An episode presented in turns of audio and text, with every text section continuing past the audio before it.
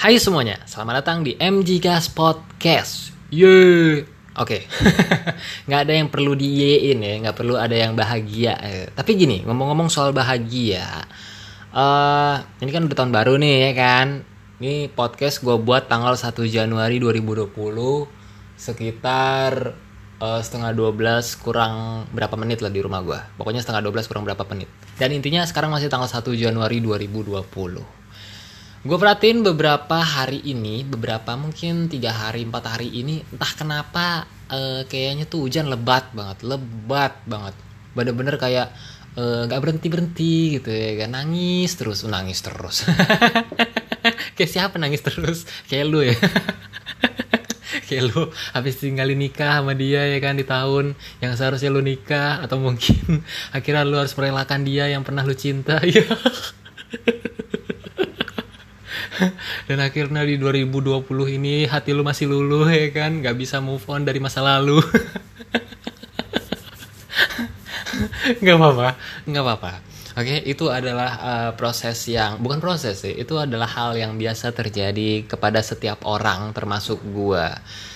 Em, ngomongin soal hujan ya dan apa ya ibarat kata tuh hujan tuh nggak berhenti berhenti gitu dari kemarin dan gue lihat Instagram gue lihat berita gue lihat YouTube eh YouTube gue udah lihat belum? Eh, pokoknya gue di YouTube lihat yang lain tapi intinya gini intinya tuh gue ngeliat banjir men. Banjir ke mana-mana sampai ngeluber sampai buset dah.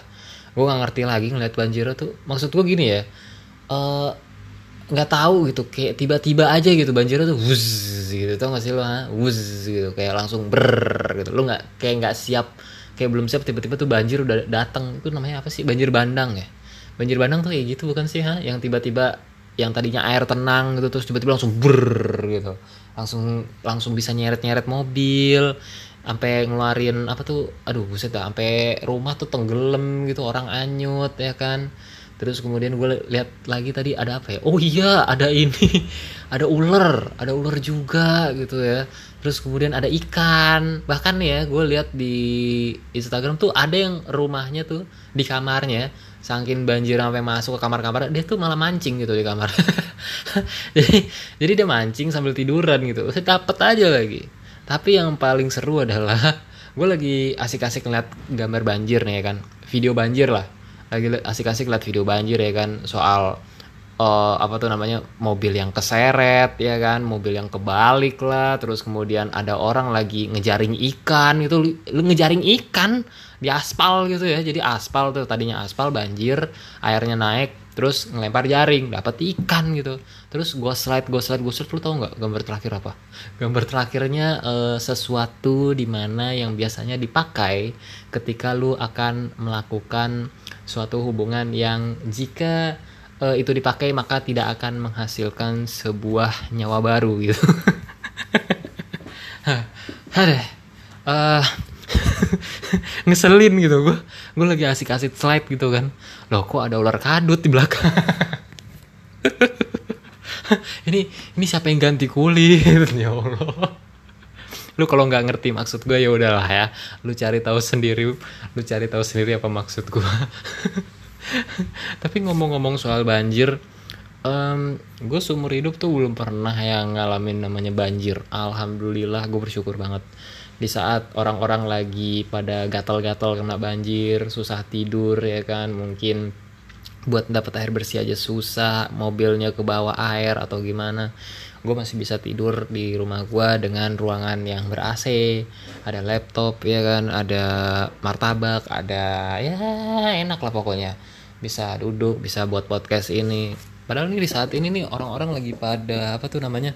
Lagi pada ngurusin banjir ya. Lagi evakuasi dan ya lu tau lah di mana mana juga pasti udah kalau yang namanya banjir tuh ya udah pasti pasti ribuh lah urusannya ya kan? Dan em, ngomong-ngomong soal banjir tuh gue pernah sih ya ke rumah saudara gue gitu.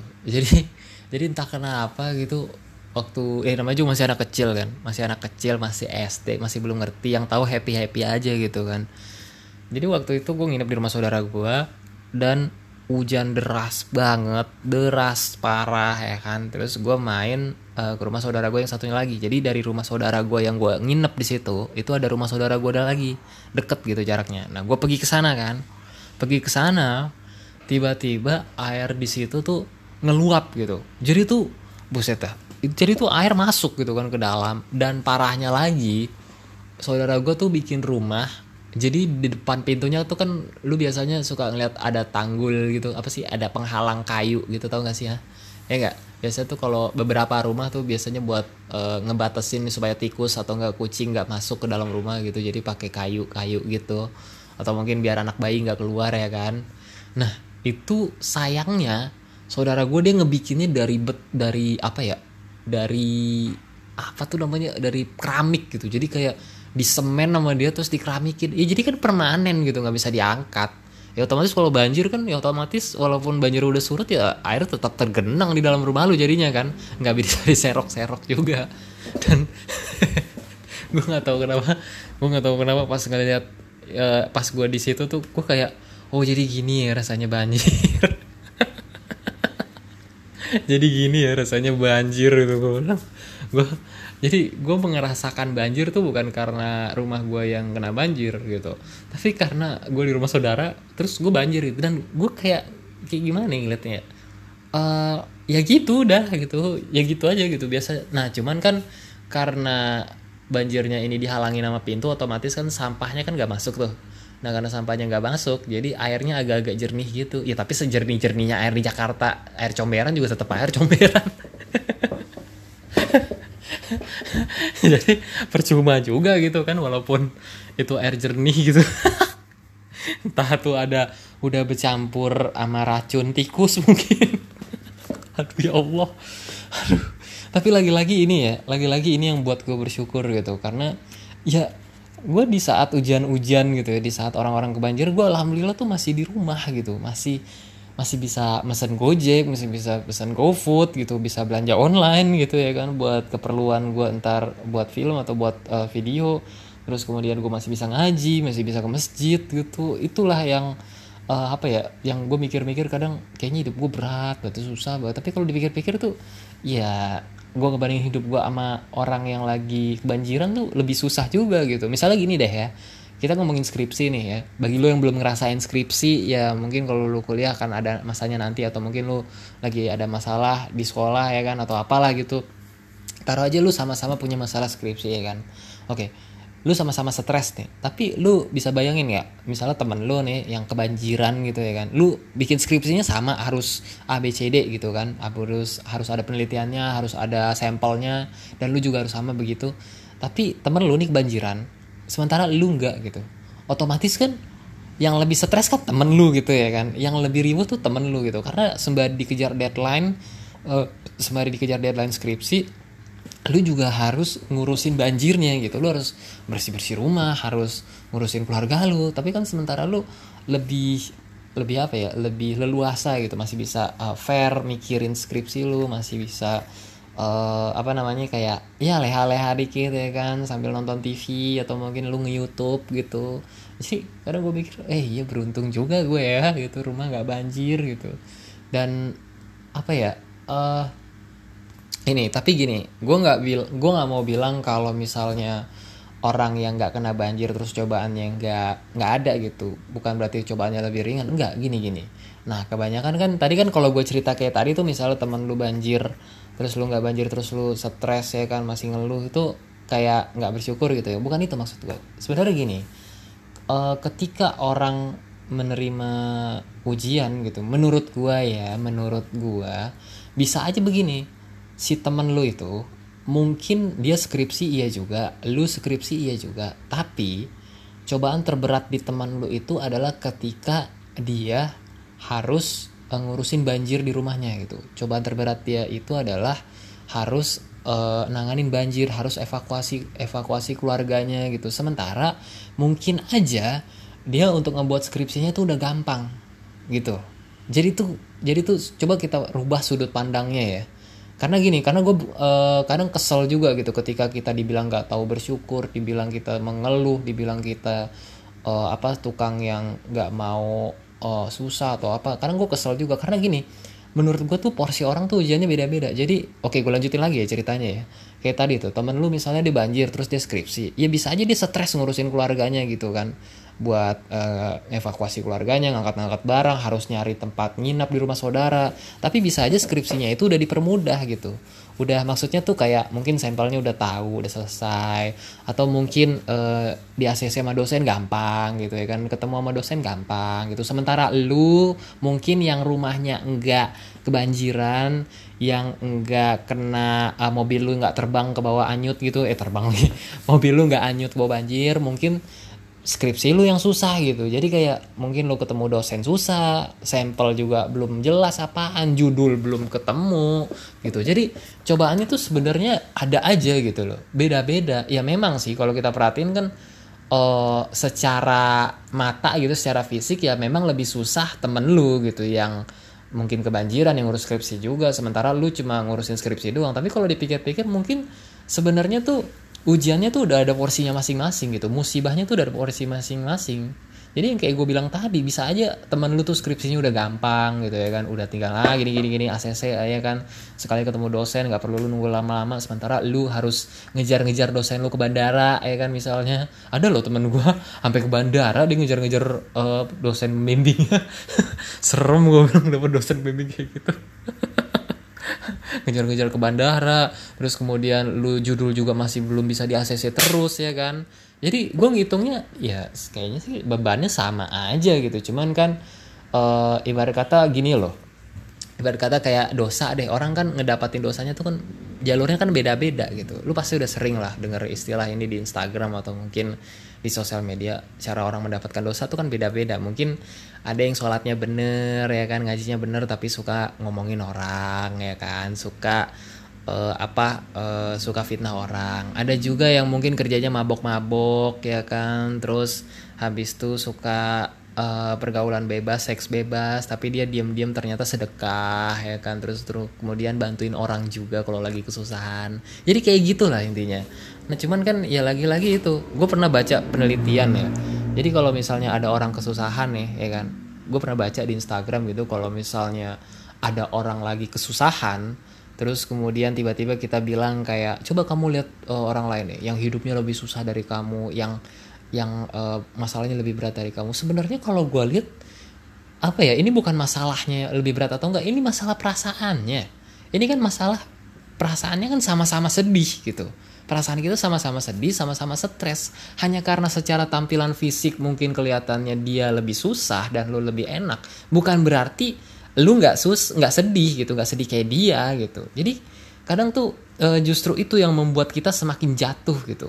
Nasihat-nasihat itu yang kadang membuat kita kayak semakin terpuruk. Nah itu yang nggak disadarin orang jadi ya kadang orang lebih bilangnya ya bener sih kita harus bersyukur dengan apa yang kita punya dengan apa yang kita milikin sekarang tapi dengan lu berbicara seperti itu ke orang lain itu malah menjatuhkan mental gitu jadi kayak lu semakin terpuruk dan lu semakin berasa nggak berguna gitu. Dan orang yang ngomong itu justru malah memperburuk keadaan bukannya malah nyemangatin menurut gue karena gue sendiri pernah kayak gitu dan uh, eh, gue pernah ya cerita ke ibu gue soal masalah gue terus ibu gue malah bilang coba tuh lihat ini nih masalah lebih susah. Gue merasa kayak kok kayak kayak gue yang maling bodoh gitu kayak gue yang semakin hancur kok kayak gue semakin penyebab nih masalah gitu. Dan akhirnya sampai sekarang pun gue akhirnya nggak pernah lagi tuh mau cerita kalau gue ada masalah ke ibu gue atau ke bapak gue cukup itu aja gitu. Karena kadang orang e, cerita tuh ya biar pengen didengar aja gitu. Ya solusi mungkin pengen ada dapat juga cuman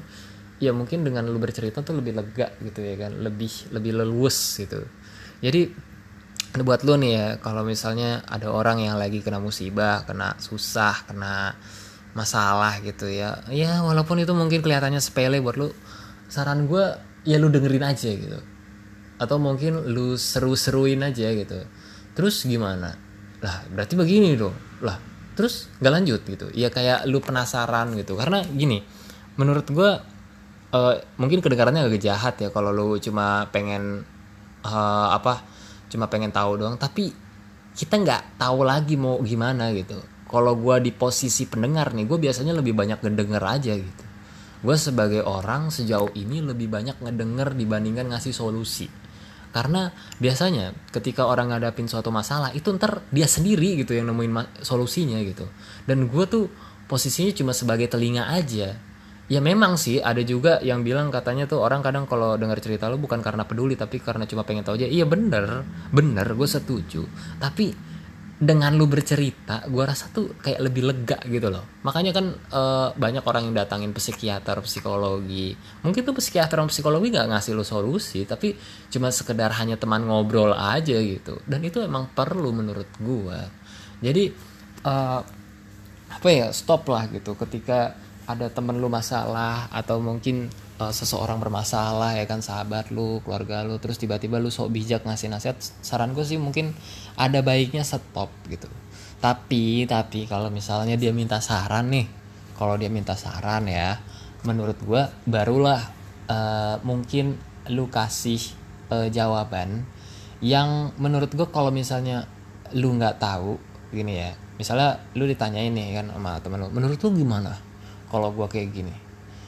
Lu bilang aja gini e, kalau gue sih gue kan belum pernah yang ngalamin kayak gitu. Gue khawatir gue ngasih lo saran. Ntar takutnya lo eh, nggak uh, pas sama saran gue gitu loh. Tapi gue uh, gue rasa nanti ntar selesai juga kok gitu. Pasti lewat juga gitu. Nah saran gue lu ngomong kayak gitu deh ke orang. Karena kalau misalnya lu sok bijak ngasih saran buat ya udah mendingan begini gini gini, gini yang pertama tuh yang dia rasain kemungkinan dia bakal mungkin agak bete ya kan? Kedua uh, yang pasti dia makin apa ya makin terburuk gitu. Itu itu rasa itu menurut gue ya. Yang kedua dia pasti pasti merasa makin terpuruk.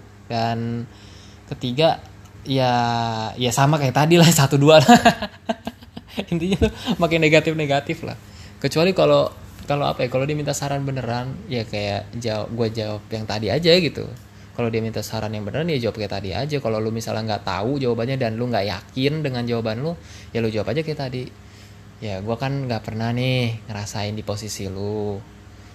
Ya kalau gue sih mungkin ya kasih waktu aja gitu. Mungkin biar selesai. Nah saran gue bilang aja kayak gitu gitu. Karena gue nggak berani gitu ya. Sejauh ini gue tiap kali gue dengar orang punya masalah tiap kali gue ngedenger orang punya uh, musibah atau mungkin punya apa ya kesedihan gitu. Gue nggak pernah ngasih mereka saran gitu loh.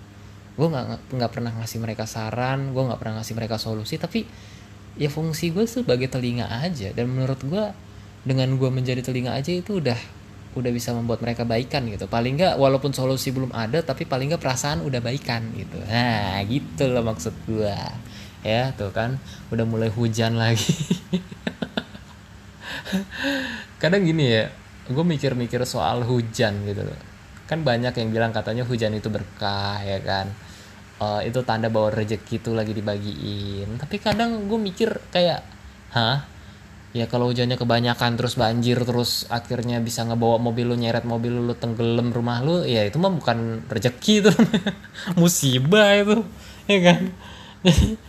Jadi tuh kadang uh, apa ya ya bener sih gue setuju. Kalau kalau kita nggak ada air ya kalau kita nggak ada air tuh ya pasti susah gitu. Apalagi gini ya gue pernah ngerasain pompa air gue rusak gitu di rumah. Jadi pompa air gue tuh rusak gitu.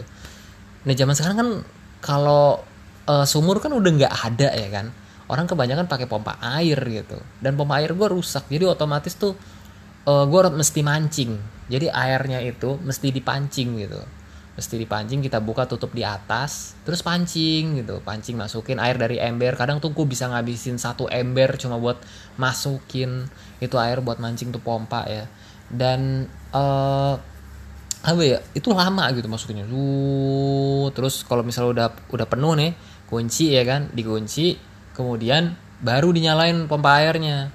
Nah kalau pompa air ada nyala kadang tuh airnya masih nyangkut gitu akhirnya masih nyangkut kayak keras gitu bunyi kan nah tuh tandanya tuh airnya belum keangkat. Buka lagi kan. Isi air lagi ambil lagi dari dalam atau enggak dari luar keran luar gitu kan.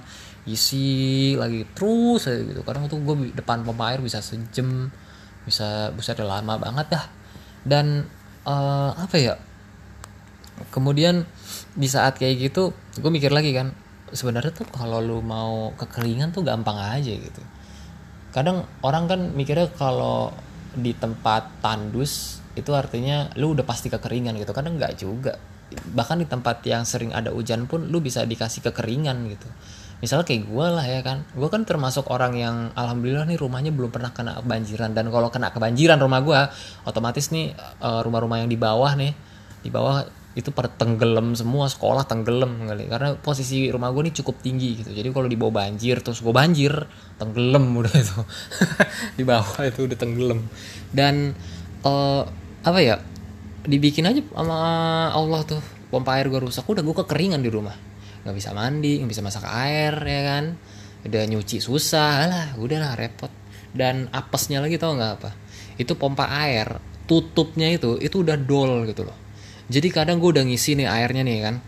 Udah udah ngisi terus gue kunci kan. Nah karena tutupnya dol kan jadi kan kuncinya udah nggak ketahuan. Ini, ini udah paling dalam apa belum nih? Karena bisa diputar terus kan. Tutupnya itu bisa diputar terus gitu. Karena kalau misalnya tutup uh, apa kalau misalnya uh, tutupnya itu nggak dol itu otomatis begitu dia udah putaran maksimal dia pasti udah nggak bisa diputar lagi kan. Ini karena udah dol jadi masih muter terus gitu. Muter terus gue bilang aduh terus pernah kan gue nyalain airnya udah naik airnya udah naik tapi tiba-tiba tutupnya lepas duas gitu. Buset udah tuh pompa air udah kayak air mancur itu. Aduh aduh kadang gue stres gitu cuma gara-gara ngurusin pompa air aja. Tapi kalau gue pikir-pikir ya itulah yang gue bilang tadi gitu. Uh, tiap orang tuh ujiannya beda-beda gitu loh jadi hanya karena lu secara fisik ngelihat dia mungkin lebih enak gitu kan lebih susah atau mungkin lebih bahagia ketawa mulu atau mungkin lebih sering nangis sedih mulu. Padahal mungkin ya porsi ujiannya sama aja gitu. Kayak ya mungkin di tempat lain kali ujian buat dia yang lebih berat atau mungkin di tempat lain kali yang bikin dia bahagia gitu ya kan. Sebenarnya sama aja. Masalah perasaannya tuh sama aja gitu. Sama-sama sedih sama-sama stres ya kan yang satu skripsiannya ngurusin banjir ya kan? Eh ngurusin banjir ngurusin keluarganya karena kena banjir tapi skripsinya alhamdulillah gampang tapi yang satu nemuin dosennya susah yang ACC-nya susah judul aja belum ketemu ya kan? Jadi gitulah. Dan uh, yang apa ya yang parahnya lagi tuh kadang kita suka bukan parah sih maksudnya tuh sosial media itu sosial media itu ngajarin kita supaya kita membandingkan hidup kita dengan hidup orang lain gitu. Gue pernah tuh ya. Ini yang ngomong sih bukan gue sebenarnya Deddy Kobuzer yang ngomong. Kadang gue suka aja gitu sama pemikiran Deddy Kobuzer. Ya benar juga sih apa yang diomongin gitu. Sosial media itu ngajarin kita supaya kita membandingkan hidup kita dengan orang lain. Dan kalaupun uh, kita posting sesuatu di Instagram tuh pasti kadang-kadang itu bukan kita gitu loh ya kan? Demi apa ya? Demi demi mendapatkan apresiasi dari orang gitu demi mendapatkan wah kesan wah dari orang dan gue nggak bilang itu salah sih gue nggak bilang itu salah cuman capek. Gue tuh gue tuh apa ya uh, jadi gini gue tuh dulu memutuskan untuk tidak uh, memposting wajah gue lagi gitu di sosmed gitu karena karena wajah gue tuh kadang capek gitu ya kadang capek kadang abis apa gitu. Jadi kucel gitu muka gue tuh kucel gitu ya kan muka gue kucel. Dan gue ngerasa posting itu di Instagram tuh malu gitu kan. Kemudian adalah sewaktu-waktu tuh gue putuskan untuk uh, mungkin setelah dua tahun lebih atau mungkin ya dua tahun lebih lah mungkin gue nggak posting foto gue di Instagram. Akhirnya gue posting lagi untuk pertama kalinya. Dan apa ya itu capek gitu loh men lu tiap kali mau posting foto di Instagram itu lu harus perhatiin dulu nih nih pakaian lu udah bener belum ya? Terus muka lu tuh kelihatan kayak capek ya enggak? Atau mungkin kayak habis kena kenal pot gitu kan. Kadang kan kita kan malu juga ya posting foto tapi nggak nggak ganteng nggak cantik gitu. Dan itu nggak salah menurut gua. Orang pun juga pasti akan begitu. Akhirnya apa? Akhirnya tuh gue capek gitu kan. Gue capek karena gue memposting foto gue yang mungkin udah rapi gitu ya kan dan gue ngerasa kok kayaknya harus terusan terus terusan gue kayak begini gitu. Akhirnya gue hapus lagi tuh foto gue tuh. Gue hapus lagi ya udahlah biarin aja gue pakai topi ya kan. Dan ke sini sini gue mulai bodoh amat gitu kalau misalnya muka gue agak kucel di foto atau mungkin di video gue lagi agak ngantuk ya bodoh amat lah ya kan. Karena capek lo bener. Jadi kayak lu harus dituntut harus seperti itu terus gitu ketika lu memposting satu foto atau satu video yang uh, bagus dan orang mengapresiasi itu lo otomatis akan timbul rasa ingin seperti itu terus dan seperti itu terus susah gitu loh. Apalagi kalau lu emang nggak suka melakukan hal yang lu posting gitu ya kan. Maksudnya kayak uh, lu foto nih ya kan. Misalnya foto rapi gitu pencahayaannya bagus ya kan di cafe lampunya dapet warna rambut lu dapet terus muka lu juga mulus. Terus lu mau posting foto lagi tuh mikir gitu kan ini gimana nih? Aduh lagi ada jerawat nih ya kan? Aduh apalagi cewek. Ya apalagi cewek ya pasti ribet banget ya ribet banget. Bener-bener agak ribuh gitu. Akhirnya ya udahlah gue mesti mungkin kalau gue posting foto mungkin gue feed uh, fotonya agak jauhan dikit gitu ya kan? Karena jangan kalau cewek kan biasanya kan close up gitu ya. Kalau nggak paling nggak uh, minimal seperut lah seperut sampai kepala gitu kan. Dan itu tuh masih kelihatan gitu. Jadi kayak gue mungkin kalau mau foto kayak gitu mungkin pakai topeng aja lah. Tapi kalau agak jauh dikit baru kebuka gitu. Jadi supaya muka gue nggak kucil-kucil banget nggak jelek-jelek banget gitu ntar dilihat orang. Dan apa lagi ya? Uh, ngomong-ngomong soal Instagram ya itulah. Kadang Instagram juga gue dapat informasi yang lebih gitu. Dan sekali lagi ya gue bilang ini masalah apa ya? Masalah bersyukurnya lu aja sih gitu mau kondisinya kayak gimana tuh kadang bersyukur itu emang susah gitu ya. Kayak masih kurang gitu. Ini ini aja ya asal lo tahu aja ya. Ini kan uh, situasi kan lagi hujan nih ya kan? Gue sekarang nih bikin podcast ini sambil duduk di kasur ya kan? Terus kemudian uh, gue juga habis makan martabak tadi. Terus kemudian ada AC di kamar gue di samping gue ada gitar depan gue ada komputer di meja belajar gue ada laptop. Itu kan ngebayangin aja kan udah enak banget ya tapi gue tuh tanggal 3 besok tanggal 3 nih hari Jumat besok nih itu gue ada uji kompetensi buat uh, syarat kelulusan skripsi ya kan? Terus kemudian gue harus ngatur tim gue yang di mana tim gue ini uh, masih belum mateng untuk performnya. Terus kemudian gue juga harus mikir ini bahan-bahan apa aja supaya nanti pas gue ikut uh, ujian prakteknya tuh tim gue begitu bikin program. Jadi uji kompetensinya tuh ada dua ada ujian tertulis sama ujian praktek. Nah ujian prakteknya itu kayak kayak kita bikin syuting syuting program TV gitu ya kan? Nah itu gue harus persiapin dulu nih materinya apa ya kan? Mungkin rondonnya gimana. Nah itu loh. Itu loh yang yang belum gue siapin sampai sekarang tapi ya bodo amat lah jadi kan gue udah bilang tiap orang tuh uji ujiannya beda-beda gitu. Hanya karena mungkin kelihatannya enak bukan berarti dia nggak ada masalah di tempat lain. Jadi stop lah ya. Memaksa orang untuk udah bersyukur bersyukur. Itu saran gue stop lah. Saran gue stop lah. Uh, jangan bilang bersyukur menurut gue uh, bilangnya gini. Bilangnya udah jalanin aja dulu gas aja dulu gitu. Gas aja dulu udah gas aja gitu. Ntar kalau gagal ya udah kalau berhasil kan ya udah gitu. Ya intinya sama-sama ya udah ya kan. Intinya gas aja dulu ya kan. Gitu aja. Karena kalau dibilang jangan mengeluh itu kayak lu malah ngejatuhin mental gitu. Tapi kalau lu dibilang bersyukur kalau lu, lu dibilang uh, jangan lupa bersyukur lupa bersyukur. Itu kayak kesannya menghina gitu loh. Jadi kadang-kadang tuh orang kalau lagi di posisi yang uh, jatuh jangan jangan asal ngomong gitu loh. Itu bahaya banget gitu buat dianya buat buat kelanjutan hari-harinya. Itu bisa mengubah mood. Nah ini sebenarnya nih gue lagi nyari kata mood. Ini nih artinya apa gitu? Hah?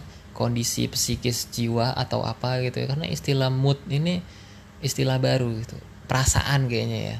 Perasaan gitu ya. Suasana suasana kali ya. Suasana hati gitu ya. Mood itu suasana hati mungkin ya.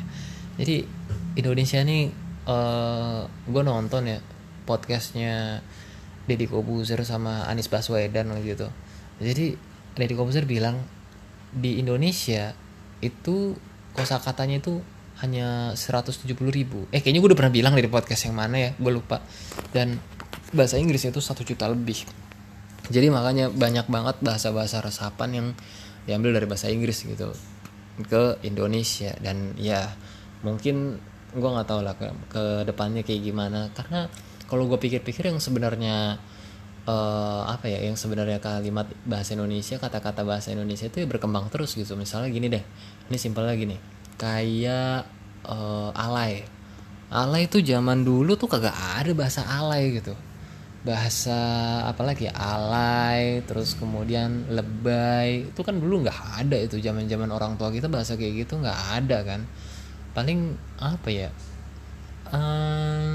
nggak um, ada gitu. Jadi kayak tiap tahun tuh mungkin ada kata-kata baru. Misalnya kayak kerat ini kerat tuh apa gitu ya.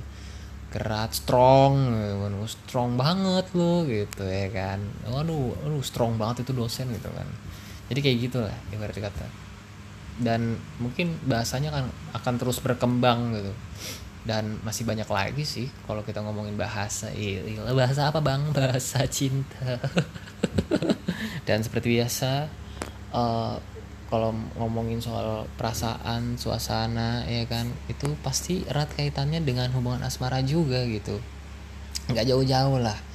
Dan dan apa ya gue tuh lagi pengen buat film cuman kebanyakan film-film kita itu entah kenapa membahas tentang masalah percintaan gitu lu tau gak sih kenapa Indonesia itu uh, suka banget dengan tiga hal menurut gue ya bukan orang Indonesia aja sih tapi kayak uh, semua orang di dunia ini suka dengan tiga hal. Yang pertama masalah asmara, yang kedua masalah uh, apa sih namanya horor, masalah horor. Ketiga masalah pornografi. Nah tiga hal ini kata dosen gue, gue dulu pernah diajar sama dosen gue yang bilang manusia tuh suka orang-orang tuh suka dengan tiga hal ini yaitu masalah cinta, masalah horor, masalah pornografi. Karena kenapa? Karena tiga hal ini adalah hal yang paling mudah dicerna oleh kita gitu. Kita makanya orang kan seneng banget suka nonton video pornografi, eh video pornografi porno ya nyebutnya. Oh porno, video porno atau mungkin foto porno. Karena itu uh, lebih mudah dicerna oleh kita gitu. Atau mungkin kalau kita ngomongin masalah cinta-cintaan ya kan, asmara, hubungan, karena itu emang udah ada di dalam diri manusia gitu perasaan itu udah ada di dalam diri manusia untuk memiliki uh, kesukaan terhadap lawan jenis ya kan untuk memiliki rasa penasaran terhadap lawan jenis gitu. Itu udah ada di diri manusia bahkan nggak perlu dijelaskan pun juga udah pasti muncul sendiri. Nah kalau horor itu hmm, kenapa begitu berkesan dengan manusia? Karena eh dengan orang-orang. Kenapa lebih disukai banyak orang? Karena apa ya ada perasaan takut. Manusia orang-orang itu uh, paling nggak suka dengan yang namanya takut gitu ya kan. Takut diancam takut dibunuh takut dengan sesuatu hal yang menyeramkan takut tenggelam takut akan ini itu itu. Pokoknya manusia paling tidak suka dengan rasa takut. Orang-orang paling tidak suka dengan rasa takut. Dan itu menimbulkan rasa penasaran. Kalau kita ngomongin masalah horor. Jadi kayak misalnya uh, hujan-hujan gitu ya kan. Hujan-hujan kayak gini tuh biasanya uh, yang sering muncul adalah uh, setannya ini gitu ya kan. Gue nggak berani nyebut nama karena gue khawatir kalau lu dengerin podcast gue ini ketika lagi sendirian ya kan.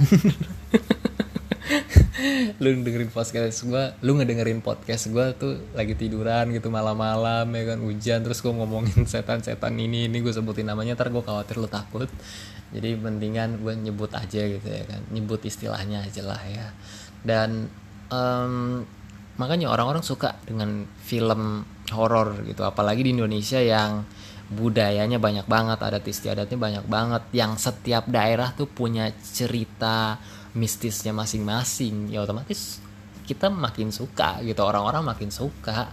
Dan menurut gue apa ya sampai kapan pun ini nggak akan pernah hilang gitu. Orang-orang pasti akan suka gitu dengan hal-hal yang berbau horor dan misteri gitu atau mungkin percintaan ya. Karena ya itu tadi. Orang-orang kata dosen gue kata dosen gue ya sekali lagi kata dosen gue suka dengan tiga hal itu yaitu pornografi horor dan juga masalah cinta gitu. Pasti suka. Asmara lah. Cinta apa asmara ya? Asmara kayaknya deh. Nama asmara asmara. Waktu SMP ada temen gue dia keriting tampangnya serem. Ya, dia suka ngebully tuh. Bukan teman gue sih dia suka ngebully gue aja lah. Uh, ya angkatan gue kayaknya. Dia bukan teman gue gue gak kenal juga sama dia tapi intinya dia seangkatan sama gue dia suka ngebully gue dia sangar-sangar begitu namanya asmara gitu. Entah apa lah gue kadang mikir ini orang tuanya ngasih nama ini gimana sih ha ini maksudnya apa? Gitu. Kenapa lu harus dikasih nama asmara? Gue nggak habis pikir sama orang tuanya tuh aduh ini anak tampang serem suka ngebully gue tapi begitu gue denger namanya asmara tuh kayak langsung hah? What the what the what the fuck man? Aduh ya allah. Itu tapi nggak aneh sih. Tapi nggak aneh ya sekuat kuatnya orang tuh pasti ada sisi lemahnya juga gitu loh. Itu yang gue yakin sampai sekarang. Walaupun tuh mungkin orang walaupun mungkin tuh orang suka nge-gym ya kan badan berotot suara berat pasti ada aja gitu yang dia takutin. Pasti ada sesuatu yang dia takutin gitu. Karena menurut gue agak mustahil sih kalau dia nggak takut akan sesuatu. Atau mungkin dia berani dengan semua hal menurut gue agak mustahil.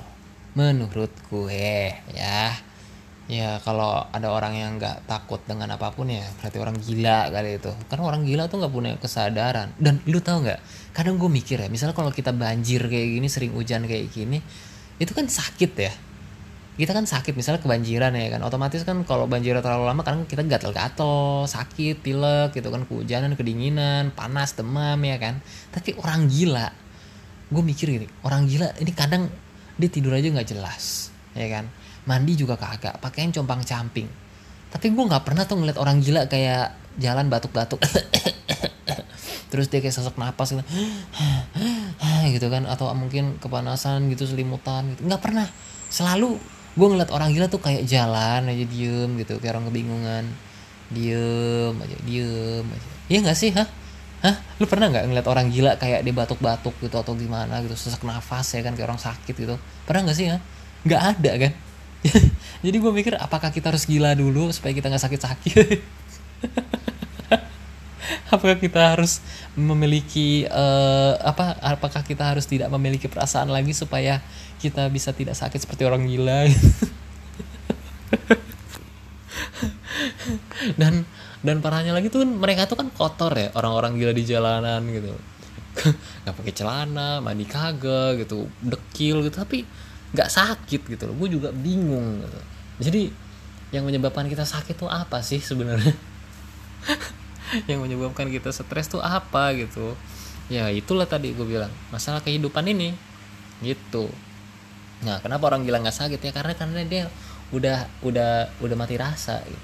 udah udah nggak peduli apa kata orang. Dan kalau misalnya kita nggak peduli apa kata orang ya itu tadi bisa apa aja kita lakuin gitu peduli amat gitu apa kata orang ya kan? Dan uh, apa ya gue mikir gitu sampai sekarang gimana caranya supaya gue nggak sakit? Ya tapi gini ya yang namanya bawaan dari lahir penyakit kan gak ada yang tahu ya kan? Gue di 2019 kemarin tuh termasuk yang yang apa banyak penyakit penyakit baru yang muncul di gue lah ya. Dan ya hujan semakin lebat malam ini di rumah gue nih udah jam 12 lewat 5 tapi aslinya nih masih jam setengah 12 lebih 5 karena di rumah gue nih emang sengaja waktunya dicepetin gitu. Dan ya walaupun gue tahu waktunya dicepetin tapi tetap aja gitu kadang gue telat-telatin juga. Dan apa ya gue harap ntar pas gue uji kom nih ya uji kompetensi lancar gitu ya tanggal 3 Januari besok soalnya gue juga nggak tahu ya yang bikin jadwalnya kayak dadakan banget gitu. Bukan dadakan maksudnya mepet banget sama tahun baru gitu loh. Kenapa nggak minggu depannya gitu ya kan? Hari Seninnya kayak kan? Tanggal 3 Jumat Sabtu 4 Minggu eh, 5 Senin 6 tanggal 6 nya kayak dibikin ya kan? Jadi enak gitu Senin benar-benar mulai kerja orang. Dan gue nggak tahu apakah di kampus gue ini sekarang banjiran karena kampus gue tuh uh, apa ya aduh gue nggak tahu deh. Semoga aja nggak kebanjiran dah dan semoga aja jalur yang gue lewatin juga nggak banjir. Karena kalau jalur yang gue lewatin banjir otomatis ya aduh mikir lagi gue lewat mana ntar. Tapi ya udahlah lihat nanti. Semoga aja ntar pas hari Jumat besok ini sekarang ini udah dari Rabu udah hari ya udah dari Rabu. Gue harap besok tidak tidak apa ya tidak tidak hujan tidak hujan dan tidak lebat. Karena tuh gue harus uji kompetensinya pakainya rapih gitu. Meja putih celana hitam pakai dasi pakai jas itu skripsi sekarang tuh mungkin nggak kayak dulu ya. Kalau dulu kan mungkin skripsinya dipersulit kali ya sama dosen ya kan harus ngejar begini harus begini. Tapi sekarang tuh kayak persyaratannya tuh makin dibanyakin sama kampus gitu. Lo harus TOEFL lah lo harus punya sertifikat ini. Ya begitulah pokoknya mungkin kampus lu juga begitu kali ya. Harus punya lulus inilah. Hah, ribet lah pokoknya. Tapi mau gimana? Namanya juga perkembangan zaman gitu ya kan. Dan semoga aja uh, Menteri Pendidikan kita yang rencananya tahun 2021 menghapus UN semoga aja nanti kita udah nggak pakai skripsi lagi gitu yang buat mahasiswa. Kan asik kan? Jadi lu mau lulus tuh nggak perlu skripsi gitu. Cukup lu selesaikan saja gitu kayak kuliah-kuliah lu terus kemudian lu tunjukin portofolio lu ya kan? Terus kemudian lu begini begini lu presentasin apa yang lu bisa udah selesai gitu. Nggak perlu lagi deskripsi skripsi apalah ini ya kan? Menyebalkan gitu. Hah, ya Allah. Lagian juga uh, apa ya teman gue teman gue tuh dia kuliah lagi S2 ambil S2 tapi sebenarnya dia udah kerja gitu. Dan lu tahu nggak apa? Yang ya ini sebenarnya udah cerita lama sih. Ini udah banyak lu pasti denger ceritanya. Jadi temen gue nih waktu dia kuliah S1 dia udah kerja gitu kan. Dia kerjanya kayak travel travel gitu kan. Tapi basic pendidikan dia itu adalah akuntansi apa manajemen. Gue lupa dah. Makanya akuntansi dah ekonomi. Ekonomi. Kan nggak ada hubungannya sama sekali kan dengan pekerjaan dia yang ngurusin travel travel buat sekolah gitu anak-anak atau mungkin ibu-ibu arisan atau mungkin orang-orang RT RW gitu ya kan. Nggak ada nggak ada hubungannya sama sekali gitu dengan jurusan dia. Dan sekarang dia kuliah lagi S2 jadi mungkin setelah gue pikir-pikir mungkin oh, kayaknya dia kuliah tuh cuma sekedar buat nyari gelar aja gitu loh. Supaya nggak apa ya nggak pandang di sebelah mata kali orang-orang gitu. Karena lu punya titel di nama lu tuh masih apa ya masih jadi kelas. Masih apa ya masih kelihatan derajatnya lebih tinggi lah gitu. Ya walaupun kalau buat gua gua termasuk orang yang nggak peduli sih. Kalau lu punya titel apa kagak yang penting lu bisa ngasilin duit ya kan? Mau beli apa apa gampang nggak perlu promo nggak perlu diskon nggak perlu nego. Hal itu udah cukup buat gua. Ya kan mau beli ini bisa beli itu bisa. Udah udah cukup sih buat gua mah. Tapi ya gimana namanya juga apa bawaan dari masa lampau ya kan? Orang-orang kita kan emang gimana ya? Emang fokusnya tuh ya itu titel apalah gitu. Dibandingkan uh, apa ya kesejahteraan menurut gue menurut gue oke. Okay. kalau gue salah dan lu nggak setuju nggak apa-apa. Oke okay, kalau kalau gue salah dan lu pengen punya pendapat lain nggak apa-apa. Ya itu pendapat gue aja. Deh udah ya itu aja kayaknya bahasan podcast gue kali ini. Dan ya semoga aja di tahun baru ini. Eh tapi gue pernah ya nggak tahu kenapa gue ngeliat banjir banjir kayak gitu di Instagram tuh ya mau di sekitar Jabodetabek mau di Bogor mau di mana nah kenapa nih perasaan gue jelek gitu di 2020 ini? Maksudnya kayak 2020 nih kita bakal banyak bencana gitu. Karena kalau gue perhatiin di tahun sebelumnya kita aja udah banyak bencana gitu kan. Ketika di sini mas gempa di sini tsunami. Eh di sini tsunami di sini uh, ada gunung berapi ya kan? Gunung berapi lah meletus. Salah ada anjir dah. Musibah. Bingung gue gitu. tapi semoga aja enggak lah ya. Semoga aja apa yang gue pikirkan ini nggak terjadi gitu ya karena kalau misal 2020 ini sampai banyak musibah lah kacau banget gitu. Maksud gue tuh menyebar gitu ke seluruh Indonesia. Gempa lah di Sulawesi ya gunung merapi gunung berapi lah di Jawa. Terus kemudian eh, tanah longsor lah di Kalimantan gitu atau mungkin ntar banjir bandang lah di Sumatera lah. Terus kemudian apalagi ya? Yuk di Papua apalagi kenanya penyakit lah tersebar di sana. Aduh ya Allah. Gila janganlah jangan nyampe. Udahlah ya. Uh, ya semoga aja buat lu buat gua buat semuanya kalaupun memang harus terjadi ya enggak enggak enggak, enggak jangan jangan jangan jangan nyampe terjadi lah. Jangan jangan ya jangan jangan nyampe terjadi. Tapi kalau udah terjadi ya mau gimana? Udah kehendak yang maha kuasa ya kan? Kita bisa apa gitu? Cuma bisa doa mohon ampun aja. Ya itu aja sih mungkin buat podcast gue malam ini. Ciel, malam ini. Kayak gue buat podcast tuh malam terus ya karena emang podcast itu enaknya dibikin malam gitu lebih konsen. Apalagi hujan. Yoman di kamar kita ngobrol berdua. Kadang gue pengen gitu ya ngomong berdua sama orang gitu buat ngisi podcast gue tapi ya mau gimana gitu gue ngobrol sama siapa Oke sekali lagi terima kasih sudah mendengar podcast gue dan sampai ketemu di podcast berikutnya. Dadah